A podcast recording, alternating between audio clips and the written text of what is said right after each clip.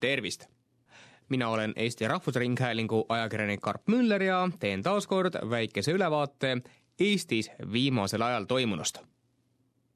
kalendri järgi peaks meil olema kevad, kuid päevad toovad ikka vaheldumisi lörtsi, lund, sekkavihma, päikesepaistet ning jäist tuult raskustes on autojuhid, kes jõudsid masinatel talverehvid juba suverehvide vastu vahetada. Neil hommikutel, kui öösel on taas üllatuslikult maha sadanud lumi ja teedele tekkinud libedus, on sõita ohtlik ja raske. hädas on ka jalakäijad, kes peavad ka aprilli lõpus külma ja tuule eest varjuma samadesse paksudesse vammustesse nagu jõulude ajal isegi linnuparvesid on nähtud tagasi pöördumas lõunamaale. ei olnud sel aastal korralikku talve, kelgu- ja suusasõidud jäid väga üürikeseks, nüüd aga ei paista kusagilt ka sooja ega kevadet. poliitikamaastikul pakub ehk kõige enam kõneainet populistlikuks peetav EKRE ehk Eesti Konservatiivne Rahvaerakond see on väikseim parlamendipartei, kellel Riigikogus seitse saadikut. ja nad on tuntud oma juhtide, isa ja poja, Mart ja Martin Helme käremeelsete avalduste poolest. olgu toodud näide Martin Helme Riigikogu kõnetoolist peetud sõnavõtust. mina küll tahan, et siit puldist kõlaks ähvardus mina tahan, et kohtunike Virgo Saarmetsa, Maret Altnurme ja Kaire Pikamäe pead veereksid sest ei saa olla niimoodi, et mingid tädid tulevad kokku ja võtavad lihtsalt kätte ja teevad ümber Eesti seadusi. tsitaadi lõpp. Kohtunikud, kelle kohta Helme sõnad käisid, tegid jaanuaris otsuse, mille järel kandis Harju maavalitsus Eesti rahvastikuregistrisse esimese samasoolise abielupaari.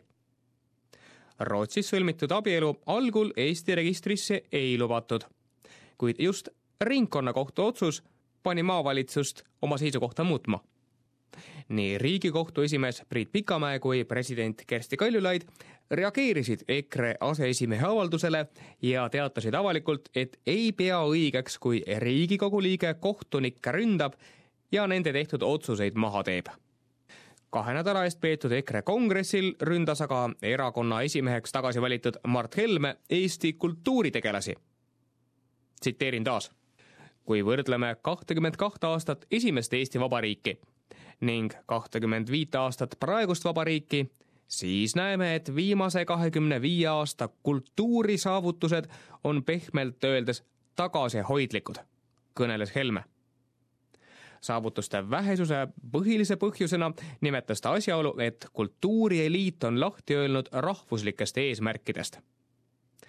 hiljem tõi ta näitliku etteheitena esile, et tänapäeva Eestis ei ole Tammsaare mõõtu kirjanikku ja jällegi reageerisid Helme rünnakule nii kultuuriminister kui ka kultuuriavalikkuse liikmed.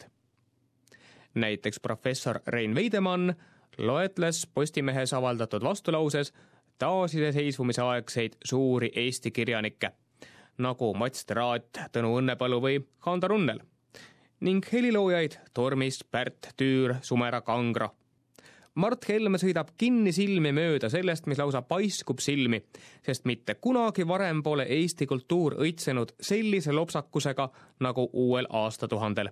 nii kirjutas professor Veidemann järjest suuremale osale valijatest paistab aga EKRE ründav retoorika ikkagi meeldivat.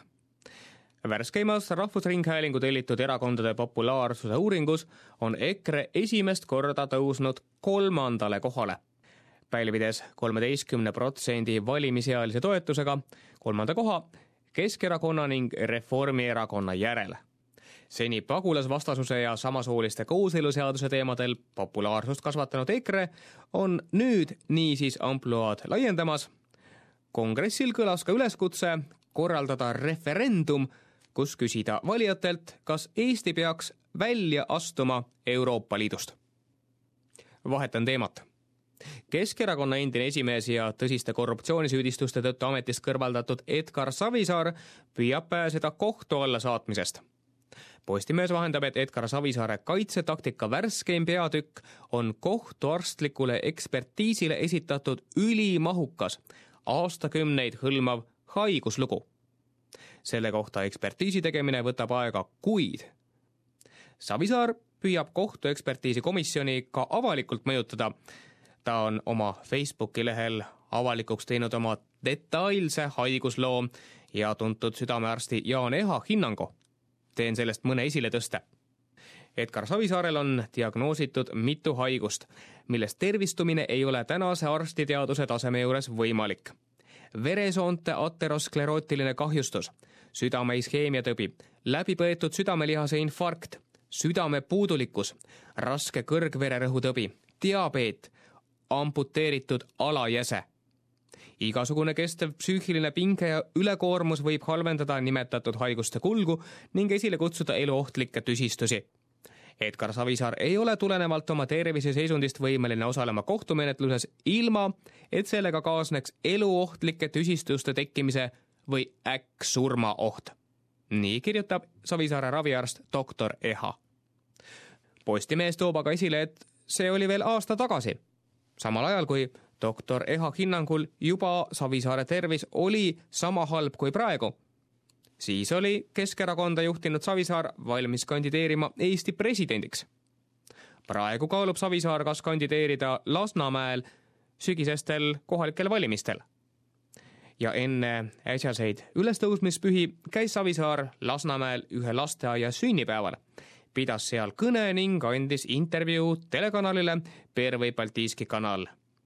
endiselt pole ta terviseseisundist hoolimata taandunud ka Tallinna linnapea ametist. sealt on ta kohtuotsusega vaid ajutiselt kõrvaldatud. valitsus jõudis aga kolmapäeva õhtuks nädalatepikkuste vaidluste tulemusel kokkuleppele järgmiste aastate riigieelarve strateegia üle, mis on aluseks järgmise nelja aasta eelarvete kokkupanekul.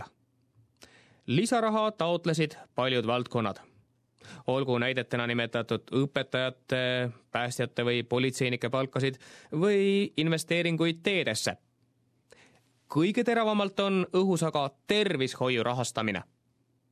kuna valitsus ei ole suutnud täita varem antud lubadust anda teada uutest lahendustest tervishoiu rahastamise parandamiseks üheteistkümnendaks aprilliks, teatas Eesti Arstide Liit, et alustab viieteistkümnendal mail streiki kui lahendusi ei tule ka lähipäevil.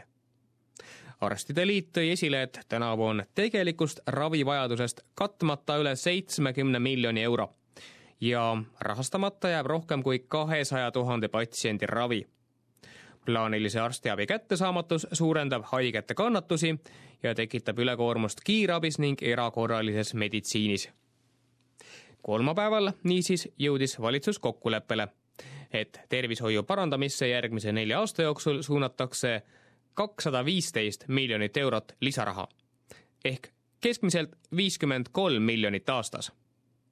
meenutan, arstid räägivad katmata ravivajadusest seitsekümmend miljonit aastas. valitsus leidis viiskümmend kolm. kas see hoiab streigi ära? seda me veel ei tea veel võib eelarvestrateegiast esile tuua, et raha pannakse juurde ka kaitsekulutustesse kuuekümne miljoni euro eest ostetakse laskemoona. tõusevad ka õpetajate ja kultuuritöötajate palgad. Politseinike, päästjate ja sotsiaalhoolekandetöötajate palgafond tõuseb aga vaid kolm koma viis protsenti valitsusliit loobus samas eelmisel aastal koalitsioonileppes planeeritud automaksust, täpsemalt registreerimislõivust. samuti loobuti pangatehingutele kehtestatavast lõivust samas rohelise tule sai palju kriitikat pälvinud magusamaks, mis hakkab kehtima lisatud suhkruga valmistatud karastusjookidele. Samuti kehtestatakse pankadele neljateistkümneprotsendiline avansiline tulumaks. opositsioon, peamiselt aastaid riiki juhtinud Reformierakond, kritiseerib aga teravalt nii uute maksude kehtestamist kui ka valitsuse plaane lasta riigieelarve varasemate perioodide ülejääkide arvelt miinusesse. piltlikult, Reformierakonnale ei meeldi, et valitsust juhtiv Keskerakond kulutab kergekäeliselt ära Reformierakonna valitsuse ajal rasketeks aegadeks varutud reservid. aga õnneks, hoolimata segadustest poliitikamaastikul ja väga koledast ilmast, siis lohutust pakuvad toredad kultuuriüritused. märtsi lõpul ja aprilli alguses toimus Tallinnas juba üheksandat korda Tallinn Music Week, mida tänavu külastas rekordilised kolmkümmend seitse tuhat inimest üles astus kakssada viiskümmend esinejat kolmekümne kahest riigist. konverentsil oli üle tuhande ühesaja delegaadi ja muusikasündmust kajastas sada kolmkümmend kaks välisajakirjanikku.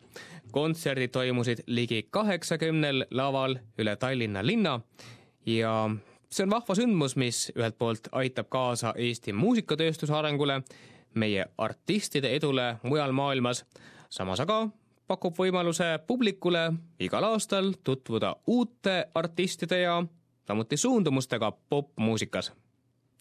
täna, reedel, algab aga traditsiooniline, juba kahekümne kaheksandat korda toimuv Jatskaar. festival, mis toob Eestisse džässmuusikuid kahekümne kahest riigist ja jõuab lisaks Tallinnale kaheteistkümnesse paika üle Eesti. mina olen Arp Müller, Eesti Rahvusringhäälingu ajakirjanik ja ütlen teile Kuulmiseni